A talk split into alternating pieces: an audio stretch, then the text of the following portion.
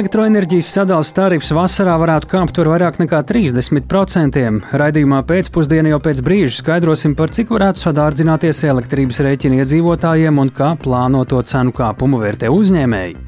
Aktualitātes ap pedagoģu streiku neaptur centralizēto eksāmenu tuvošanos skolēniem. Ir būtiski pieaudzis kārtotāju skaits fizikā un ķīmijā un sasniegts absolūti rekordskaitlis bioloģijā. Radījumā plašāk stāstīsim par izmaiņām gaidāmajos pārbaudes darbos, bet Rīgas Krievu teātrī arī turpmākos piecus gadus vadīs Dāna Bjorka. Viņa šodien atzīta par labāko konkursā uz šo amatu. Par to visu tūdaļ ziņu raidījumā pēcpusdiena kopā ar mani Tāli Eipuru.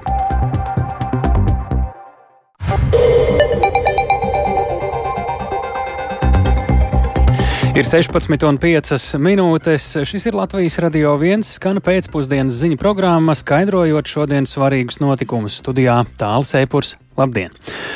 Izglītības darbinieku streika trešā diena tuvojas noslēgumam, un mēs turpinām sekot tā norisē. Pēc vairākām streika sarunu kārtām vakar vakarā tika paziņots, ka valdība ir piekāpusies un prasības izpildītas. Valdības ārkārtas sēdē šodien bija. Uh, sagatavojusies valdība nobalsot par pedagoģu streika prasību pilnīgu izpildi šim nolūkam atvēlot papildus ap 4 miljoniem eiro, taču arotbiedrības vadītāja Inga Vanaga balsu, aicināja balsojumu atlikt un sniegt arotbiedrībai skaidrākus aprēķinus, vai ar piešķirto naudu pietiek gan algu celšanas grafika izpildē, gan slodžu izlīdzināšanai, kas arī ir viena no streika prasībām. Šim stāstam šodien līdzi sekojusi kolēģi Zanē Niņa.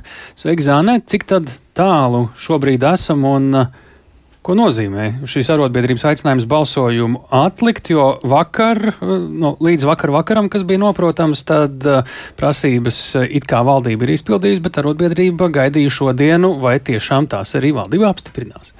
Nu, brīdī, kad es nācu uz studiju, valdības ārkārtas sēde vēl nebija beigusies, līdz ar to es nevaru pateikt, vai valdība ir nobalsojusi par eh, ārkārtas, eh, par, par grozījumiem noteikumos, ar kuriem ir paredzēts paaugstināt pedagoģa algas vai nē, jo diskusijās vēl bija pieteikušies izteikties vairāk runātāji. Bet uh, valdības ārkārtas sēde sākās ar to, ka izglītības un zinātnes ministra Anda Čakša no jaunās vienotības iepazīstināja klātesošos ar grozījumiem, kas ir sagatavoti izpildot streika prasības. Tātad tiek paaugstināts atalgojums gan uh, pedagogiem dažādās līdz šim uh, aizmirstajās grupās piemēram, palīgu personālam, kā logopēdiem, tad uh, tiek nodrošināts tas, ka pedagogiem pilnīgi visās pašvaldībās pieauga atalgojums, arī tajās skolās, kur algas jau ir lielas. Arī administrācijai ir atradusies nauda, arī pasniedzējiem augstskolās, tāpat arī palielinās izmaksas uz vienu bērnu.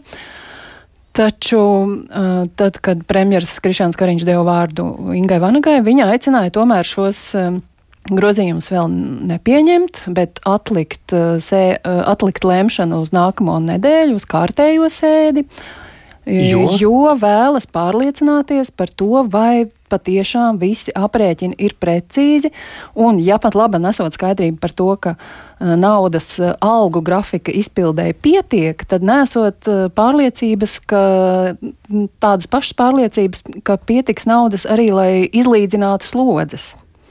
Mhm. Nu jā, šo, eh, lai kāds arī būtu valdības lēmums, eh, šajā gadījumā it kā pat apmierinošs, eh, nu, to, ka nedēļu vajadzētu iepazīties, to jau varētu arī iepriekš tā kā zināt. Vai arī tur bija kaut kas tāds, kas radīja viņai bāžas kaut kādas pirmās pazīmes?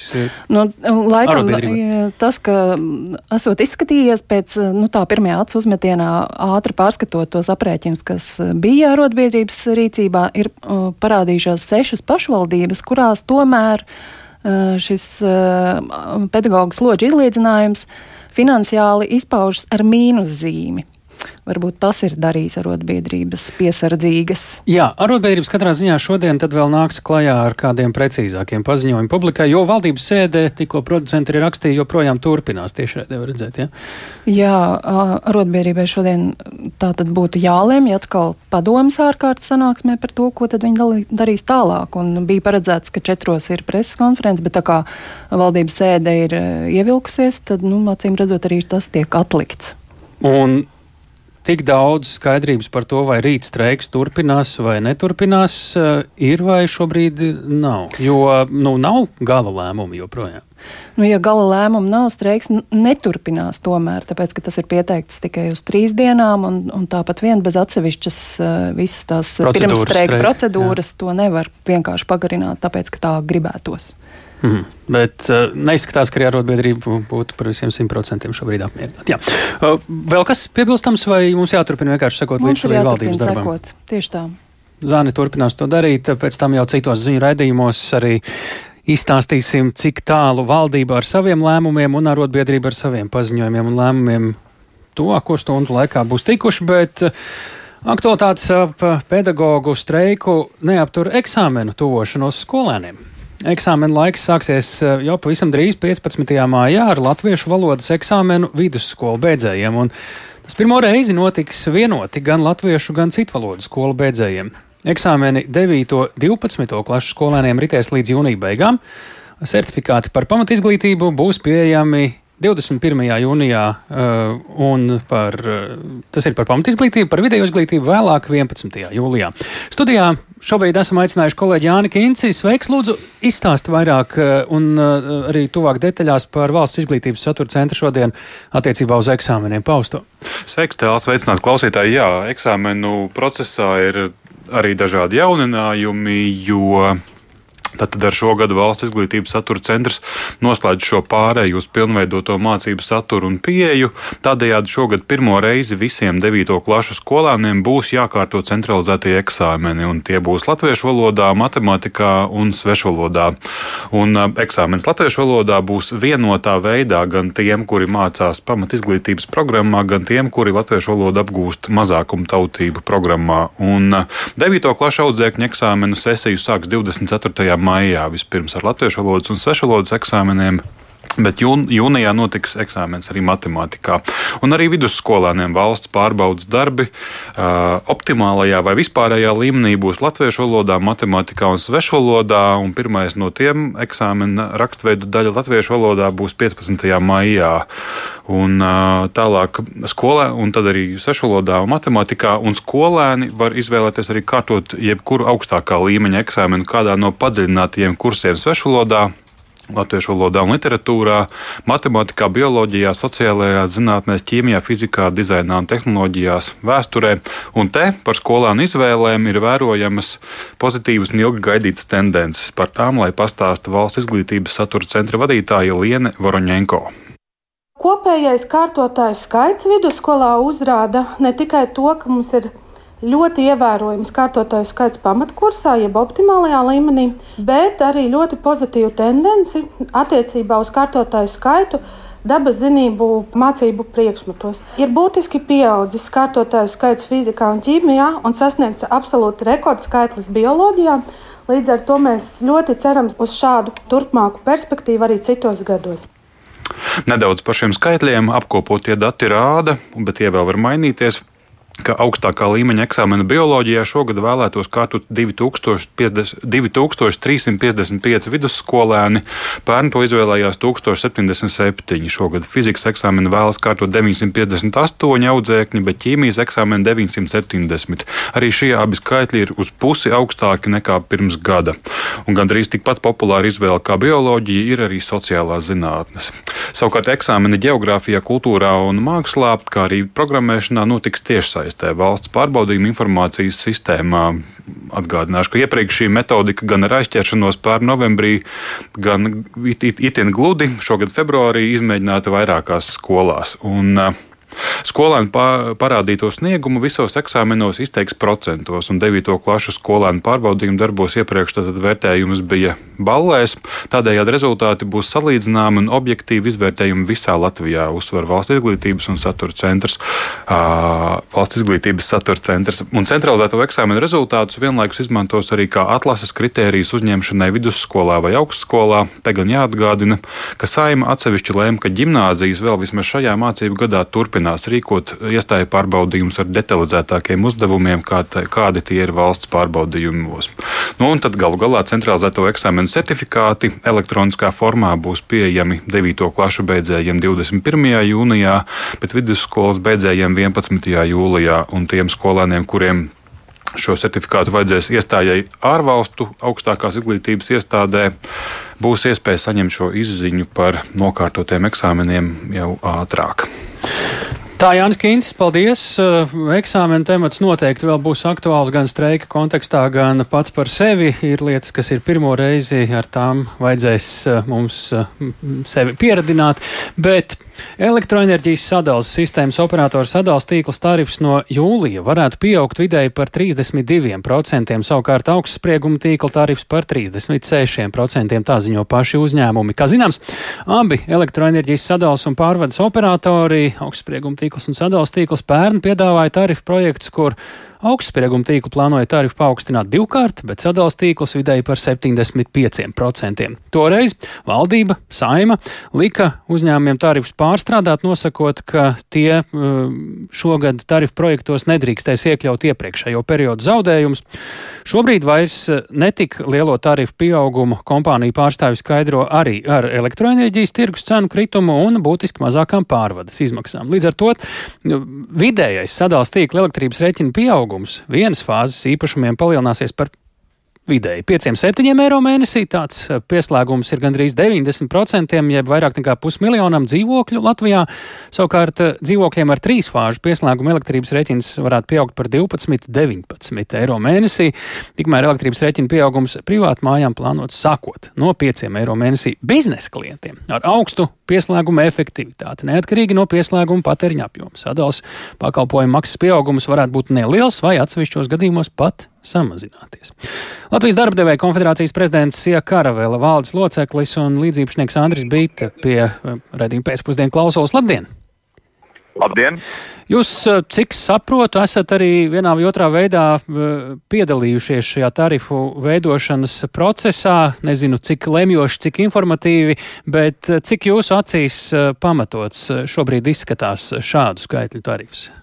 Tarifi? Nu, ja, ja mēs runājam no, nevis no iedzīvotāja, bet no uzņēmumu viedokļa, tie, kuri ražo kaut ko, patēra enerģiju un attiecīgi ar saviem produktiem konkurē pasaulē, mums ir svarīgi, kā šie tarifi izskatās uh, attiecībā ar tām valstīm, ar ko mēs konkurējam. Mūsu gadījumā Latvija, Lietuva, uh, Igaunija konkurē savā starpā. Un šobrīd uh, mēs esam vairākas reizes gan ar augstsprieguma tīklu, gan sadalījuma tīklu vadību tikušies, konstruktīvi runājuši.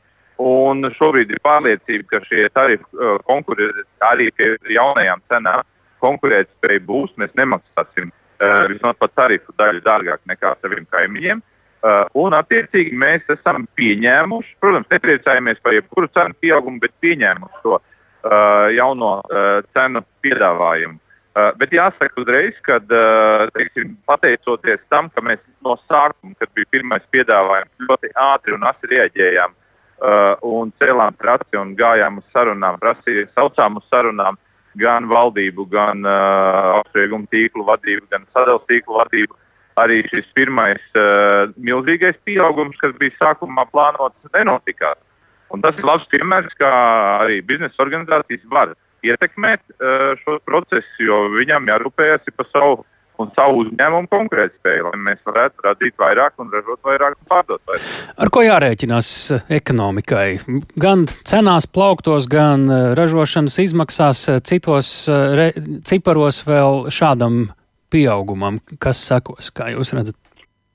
Es domāju, ka teiksim, uz gala cenām šis tieši sadalījuma tīkla un augstsprieguma tīkla arī pieaugums neradīs lielu efektu jo mēs pirmām kārtām redzējām milzīgu kopēju inflāciju iepriekšējā periodā, uh, un otrkārt, uh, ļoti daudzām pozīcijām šobrīd jau pasaules tirgus cenas notiek uh, cenu samazināšanās. Un, un inflācijas vietā redzam jau zinām deflāciju. Protams, to neredz vēl cilvēki uz laukiem, pērkot produktus, bet tas nenovēršam arī būs. Uh, jo, kā, kad sākās inflācija straujā, mēs teicām, ka būs uh, viņa, jo mēs jūtām to pusgadu, gadu iepriekš jau kā ražotāji un, un lielie iepirkēji. Tā arī šobrīd mēs sakām, neizbēgama cenu samazināšanās notiks. Tas nozīmē to, ka uh, šie tieši tarifu izmaiņas uh, nekādu lielu efektu neatstās, ne, ne negatīvu, ne pozitīvu. Uh, mums vairāk, uh, protams, uztrauc pats elektrības tarifs, uh, kas tomēr sastāv nospiedošu lielāko daļu no tā, ko mēs nu jā, tur Saimnes komisija šodien pat ir domājusi, ka jāapsver, vai valsts atbalsts juridiskām personām nebūtu pagarināms tieši šo jūsu apsvērumu dēļ, jo daudziem ir šie fiksētie ilgtermiņa līgumi, kas joprojām ir pie augstajām elektrības cenām slēgti. Jā. Tas ir pareizais virziens dažos vārdos bez šaubām, jo eh, tas eh, liecinātu, ja šobrīd atbrīvot no šīm milzīgiem eh, teiksim, saistību važām uzņēmumus, kuri tika motivēti no, noslēgt ilgtermiņa līgumus pašā augstākajā cenas pozīcijā, tomēr parādīt to valsts un valsts uzņēmumu sadarbības modeli, normālu sadarbības modeli ar industrijām. Jo neko labu turoties pie šādām augstām cenām neiegūs valsts, jo uzņēmumi mm. neattīstīsies un, un zaudēs savu konkurētspēju. Tajā pat laikā viņi arī noslēdza kontraktu tad, kad uh, uzticējās uh, speciālistiem no lielajiem energo uzņēmumiem, kas viņi teica, ka ir jāslēdz Jā. līgums, ka cenas būs tādas ilgi. Paldies par sarunu. To mēs sakām Paldies. Andrim Bitem, Latvijas darba devēja konfederācijas prezidentam Siekārvēl valdes loceklim un līdzīpašniekam. Turpinām redzējumu pēcpusdienu. Savas mazgadīgās audzēknes pavadināšanā apsūdzētais basketbola treneris Andris Steļmaks pagaidām vēl nav ticis aicināts sniegt liecību valsts policijā. Tā viņš šodien apliecināja pats sarunā ar Latvijas radio. Tāpat kā pagājušajā nedēļā medijiem izsūtītajā vēstulē arī šodien telefonu sarunā viņš visas izskanējušās apsūdzības ir noliedzis. Tikmēr kāda bijusi Steļmaka audzēkne Latvijas radio stāsta, ka uzmākšanos nepilngadīgajai komandas biedrinei viņa redzējusi savām acīm. Treneris pat pēc tam īpašā sapulcē savu rīcību toreiz skaidrojis. Šai lietai turpina sekot mūsu sporta ziņu kolēģis Mārtiņš Kļavinieks, kurš mums pievienojas tiešraidē. Sveiks, Mārtiņa! Īsumā lūdzu atgādini, par ko ir stāsts. Jā, un tad pavisam īsi sveiciens eh, tālu klausītāji. Tātad eh, valsts policija pirmdien saņēma iesniegumu no Latvijas Basketbola Savienības par to, ka iespējams, ka Andris Teļmaks ir pārkāps um, kādas um, krimināla likuma pāntus par to, ka iespējams eh, pavedis netiklībā savu to laiku pirms desmit gadiem, runa ir par desmit gadu seniem notikumiem, savu audzēkni. Jā, policija apstiprināja, ka šāds iesniegums ir saņemts, tagad notiek pārbaude, bet tas viss sākās tā pavisam nevainīgi, jo Andris Teļmaks vadīja jūrmā Normāls komandu, tur cīnījās vienā no Latvijas čempionāta līgām, un uh, tas viss sākās ar soda metienu izpildi, ko viņš um, bija um, nu, līdzis darīt citai spēlētājai nekā, pret, uh, nekā tai, pret kur bija pārkāpt noteikumi. Tā kā tas viss sākās ar basketbolu, bet tad uh, Medijas Delfi un tā sadaļa MVP sāk šķetināt šo stāstu.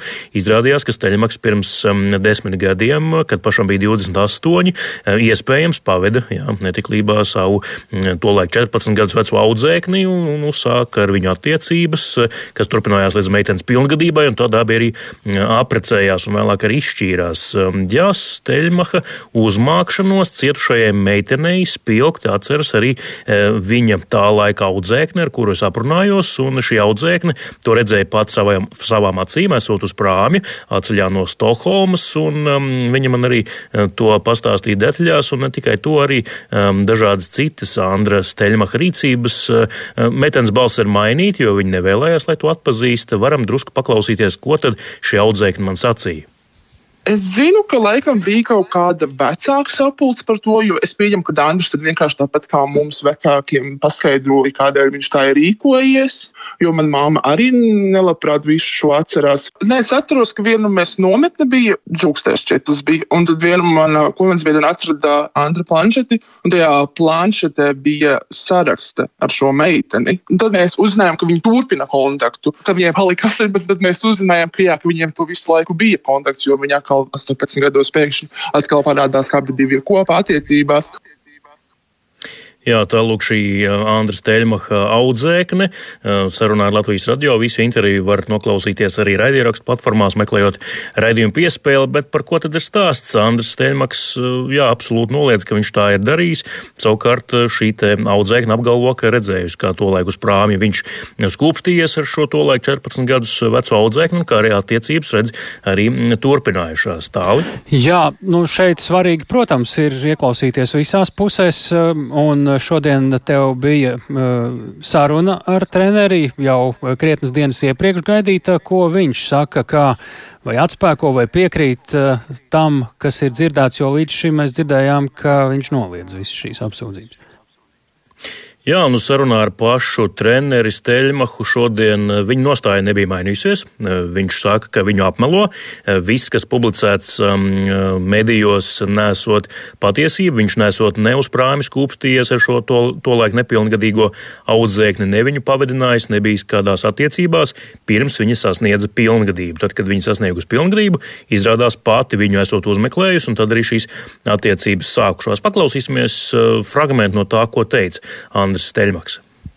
Pirmkārt, nekādas skulpstīšanās nebija. Tas ir viens. Tad, kad viņa sasniedza pilngadību, Tad eh, viņa pati mani uzrunāja. Mēs kopā nodzīvojām eh, jā, kaut kādus eh, gadus, apprecējāmies, drīz pēc tam izšķīrāmies. Nu, jūsu viedoklis, kāpēc tas tagad tiek celts gaismā? Turklāt, ja tā nav patiesība, tie ir sagrozīti vai izdomāti fakti. Ja godīgi, es pats esmu izbrīnīts, kāpēc viss tā tiek pacelts, interpretēts. Man personīgi nav pilnīgi nekāda naida ne pret savu bijušo sievu, vēl mazāk pret viņas vecākiem vai vecvecākiem. Grūti atbildēt uz jūsu jautājumu un komentēt. Es nezinu, nezinu. Jā, tālāk Andris Steļmaks. Nu, jāsaka tā, ka diametrāli pretējais tas, ko stāsta šī viņa audzēkne jūrmalas jā, Mārtiņ, skolā, ko dzirdējām iepriekš, un, jā, un viņš pats, jā. Tas, ko es gribēju precizēt, vai līdz ar šo sarunu, kuru mēs dzirdējām ar šo bijušo viņa arī audzēkni, vai līdz ar to tas nozīmē, ka ir vairāk nekā viens acu pāris vai viena liecība par to, kāda ir iespējams bijusi Steļmaka rīcība? Jā, pavisam noteikti, jo šī meitene stāstīja, ka tas bija izbraukums uz Stokholmu, kur bija turnīrs dažādām Latvijas komandām. Nu, komandas izbrauc uz turnīru, kur spēlē pret Zviedru, iespējams, vēl kādu citu, citu citu ārzemju komandām.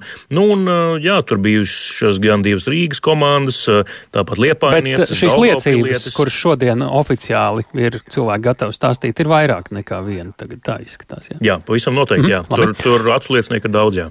Vai Latvijas Basketbola Savienība jau to laiku ir zinājusi par šo gadījumu, vai kaut kā ir rīkojusies, kas par to ir zināms? Es eh, sazinājos ar eh, vienu no bijušajiem Latvijas Basketbola Savienības darbiniekiem. Viņš eh, neoficiālā sarunā atklāja, kā atceras, ka par to ir bijusi ap to laiku saruna, ka ar tādām, nu, teiksim, tādām darba pārunām, ja pāraudzināšanas pārunām ir mēģināts runāt ar treneru Steļmahu, ka tā nedrīkst darīt, tas nav labi, bet valsts policijā neviens nav vērsies. Tā laika Savienības ģenerālsekretārs Edgars Šneps gan šo informāciju Latvijas radio nekomentēja, vai bija vai nebija Savienībā tas zināms. Savukārt es sazinājos ar tā laika Latvijas jaunatnes basketbola līgas direktoru Ediju Eglīti, kurš arī sacīja, ka neatceras nekādus iesniegumus ar pretenzijām par ceļmaha darbu. Paklausāmies, ko sacīja Edgars Eglīts. Manā gadījumā es neesmu redzējis ne tādu, ne tagad, ka viņš būtu kādam uzmācies vai kaut ko darījis tādu, kas būtu ārpus kaut kādiem rāmjiem. Grūti komentēt, un es pat īpaši negribu komentēt, nu, izlikties, nezinu, gudrāks, labāks, patiesāks. Jā, un tālāk Edijs Eglītis, viņš tolaik tātad bija Latvijas jaunatnes basketbola līgas direktors. Um, nu, kā man stāstīja, tad viņš bija deleģēts šīm sarunām ar Andru Steļmaku, bet, uh, redz, Edijs Eglītis saka, ka tādu sarunu nav bijis. Nu, jāmeklē patiesības graudi tajā visā. Un jāklausās raidījums piespēlē, raidierakstu platformās tur par to plašāk, bet, nu, par kādu citu stāstu. Paldies, sakām Mārtiņam Kļaviniekam. Krievijas mēģinājumu paplašināt un nostiprināt ietekmi Baltijā vairumam uh, Latvijā nav jaunums, taču, nu, to apliecina arī noplūduši Kremļa dokumenti. Slepenie dokumenti, kas nonākuši Baltijas pētnieciskās žurnālistikas centrā Rebaltika rīcībā, liecina par konkrētiem Krievijas plāniem dibināt nevalstiskas organizācijas Krievijas politikas atbalstam, nepieļaut NATO nostiprināšanos reģionā reģionā, novērst pārēju uz mācībām latviešu valodā un, piemēram, ne, nepieļaut atslēgšanos no Krievijas elektrotīkla un tur vēl rinda dažādu mērķu. Pie mūsu klausulas ir Rebaltika izpildirektora un redaktora Sanita Jemberga. Labdien! Labdien! Nu, te, protams, svarīgi pavisam īsi arī ir veikt ētera avotu pārbaudi, kas šī ir par dokumentiem, kā tie pie jums ir nonākuši un kāda ir to ticamība, un uzreiz jau pie viena, ko tad tie mums stāsta ar piemēriem varētu paraksturot. Protams, par, vispirms par ticamību.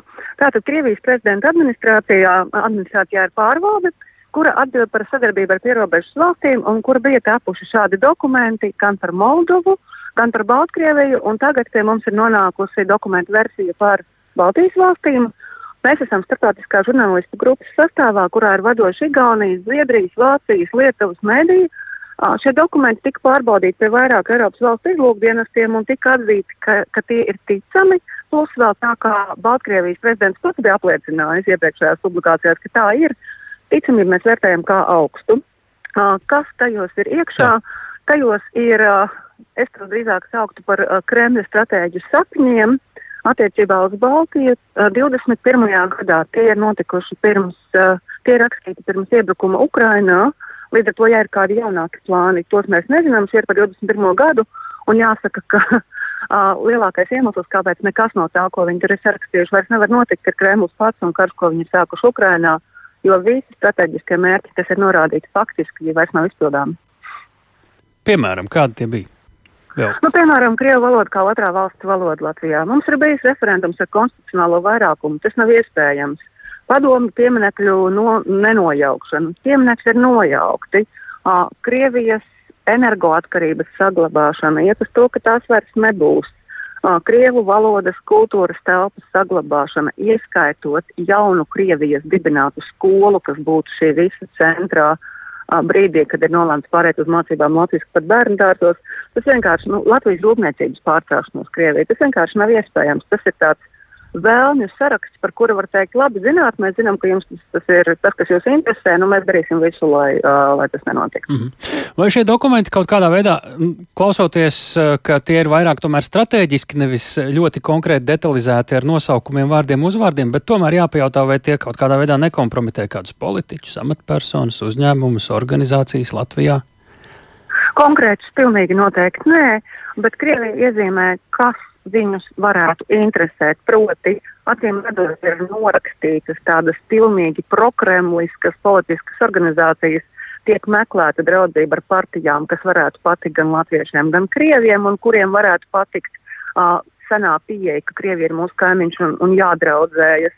Un otrais ir skaidrs, ka viņi redz, ka tas, ko mēs saucam par ceļojošo cirku, uh, tās viņa dibinātās nevalstiskās organizācijas, kas braukāja pa starptautiskajām platformām un stāstīja, kāda Baltijā visi ir ir fašisti, krievi un īdēji un cilvēktiesību pārkāpēji, ka tās ir sevi izsmēlušas. Viņi grib dibināt jaunus, viņi meklē jaunus līderus. Un to mēs arī kādu brīdi jau redzam. Es tīri intuitīvi dzirdu, ka kopumā tur ir maz kā pārsteidzoši. Drīzāk runa ir par to, ka e, mēs esam guvuši tādu dokumentālu apstiprinājumu tam, ko mēs esam vērojuši pēc dažādām pazīmēm. E, bet vai ir kādas atšķirības starp e, šiem Kremļa strateģiskajiem nodomiem starp trim Baltijas valstīm? Uh, ir. Uh, minimālas un dažviet grūti saprotamas. Piemēram, uh, tur ir kā prioritāte ierakstīta vēršanās pret uh, Igaunijas veicinātu separātismu Krievijas teritorijā attiecībā uz somuguru tautām. Nu, Igauni tā īsti ir to nav nodarbojušies. Tāpat ir Lietuvai sarakstītas dažādas lietas par krievu diskriminācijas novēršanu, lai gan Lietuvā uh, krievu minoritāte ir vismazākā. Tur brīžiem tu vienkārši lasi un domā, paldies Dievam, ka viņi ir tādi diletanti. Uh, bet pilnīgi taisnība, ka priekš mums tur nav nekā jauna, ir apstiprinājums, bet ļauj man iemest intrigu. Mēs turpināsim rītdien ar jauno plānu, ar jauno stratēģiju, ko Krievija dara gadījumā, par to vairs neviens nerunā. Kā viņi uztur savu interesi, neļaut NATO paplašināties un nostiprināties Baltijā. Tad tā galvenā pievienotā vērtība divos vārdos šo dokumentu pieejamībai un publiskošanai apstiprina to, ko mēs zinājām, un liek mums pievērst uzmanību šīm nosauktajām jomām, kā Krievijai īpaši interesējošām, darot visu, lai tās nevarētu izpildīt. Lielas paldies, Sanita Jēnberga! Rebaltika izpildirektora un redaktore. Mēs turpinām raidījumu pēcpusdienu un šobrīd pievēršamies tiešām Krievijas darbības sekām.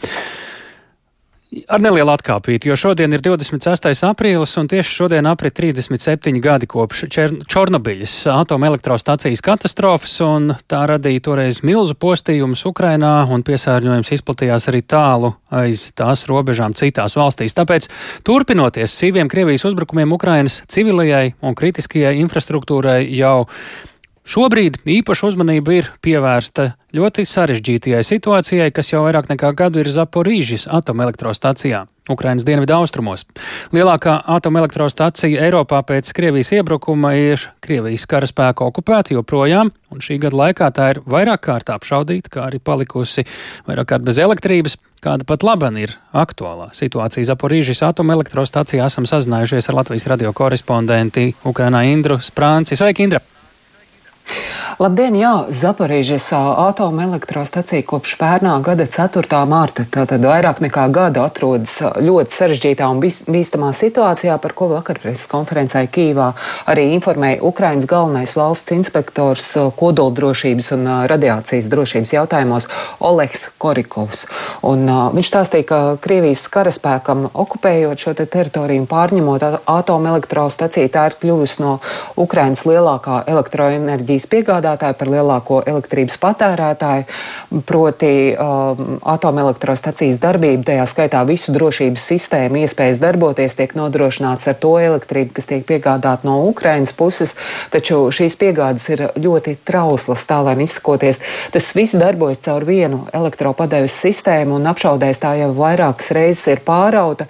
Elektrības padeva atomstacijai nav bijis pieejama vispār. Un, um, tāda situācija bija arī salīdzinoši nesen pirms mēneša, un šajos brīžos tiek iedarbināta atomelektrostacijas rezerves ģeneratori, bet arī to iespējas nodrošināt spēkstacijas visu drošības sistēmu darbu ir lai, laika ziņā limitēts. Un šis ir jautājums, par ko satraukumu pēdējās vizītes laikā pauda arī ANO starptautiskās atome, atomenerģijas aģentūras ģenerāldirektors Rafēls, Rafēls Grossi, kas atzīmēja, ja šādā uh, garā turpināsies, kādu dienu veiksmi vien, vienkārši varētu izbeigties nopietnas avārijas rezultātā varētu būt nu, patiešām milzīga katastrofa.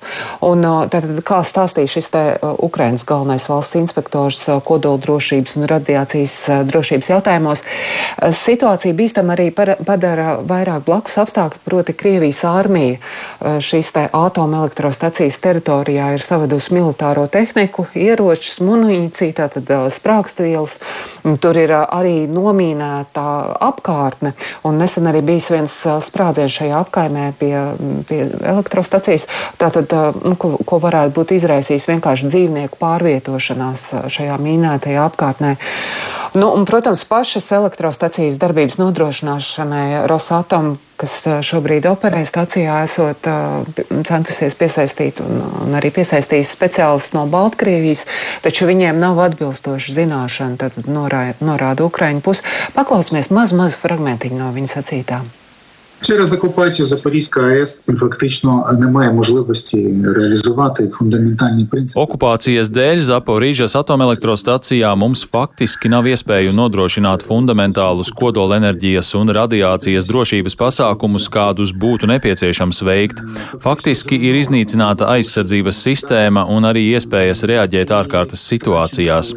Tādā veidā avārijas iespējas Zaporīžas atomelektrostacijā ir palielinājušās, bet mūsu iespējas atbildēt atbilstoši reaģēt uz tām ir samazinājušās. Ukrainas nostāja ir nemainīga. Mums ir vajadzīga pilnīga Zaporīžas atomelektrostacijas deokupācija un demilitarizācija. Atomelektrostacijai ir jāatgriežas leģitīmas un kompetentas organizācijas rokās. Te jāpiebilst, ka Ukraiņi uzsver, ka viņi ir gatavi pārņemt atomelektrostaciju atpakaļ savās rokās, savā kontrolē un visas drošības prasības tātad veikt un ievērot, taču pagaidām nekas neliecina, ka Krievija būtu gatava to tā vienkārši atdot.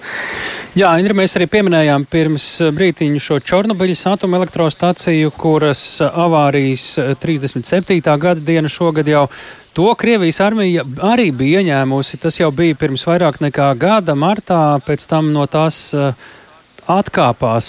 Uh, kāds tev šeit ir komentārs, jo tas, uh, tas ir, tā ir vieta, uz kuru šobrīd arī daudz skatās tieši šajā dienā? Jā, viņi atkāpās pagājušā gada martā, un šobrīd Čornobīlas atomelektrostacijas kompleksā turpinās monitoringa misija, lai novērtētu, kāda bija šī iebrukuma, iebrukuma rezultātā, kāds ir bijis nodarītais kaitējums. Šīs te aģentūras vadītājs stāstīja, ka arī tur ir konstatēti dažādi veidi postījumi, un, un stacija Krievijas karaspēkam atkāpjoties arī izlaupīta, gan telekomunikācijas, gan aprīkojums pazudis, taču pērn ir bijis ļoti liels startautiskās sabiedrības atbalsts. Vir, virkne valstu ir palīdzējušas Ukraiņiem atjaunot nepieciešamo ekipējumu un citādi nodrošināt visu drošības pasākumu ievērošanu. Un, un tātad arī, lai šis sarfu, sarkofāgs, kas nosac to visu, turpinātu darboties un, un radiācija nenonāktu vidē. Kā jau tu pieminēji, šodien aprit 37 gadi kopš šīs te katastrofas katastrofas 1986. gada 26. aprīlī, un tas arī šeit Ukrainā dažādi tiek medijos atzīmēts un pieminēts, un Ukraiņi kā neviens cits zina, ko nozīmē šāda veida avārija, tāpēc arī nemitīgi tiek sists tra trauksmes zvans par situāciju Zaporīžas atomelektrostacijā.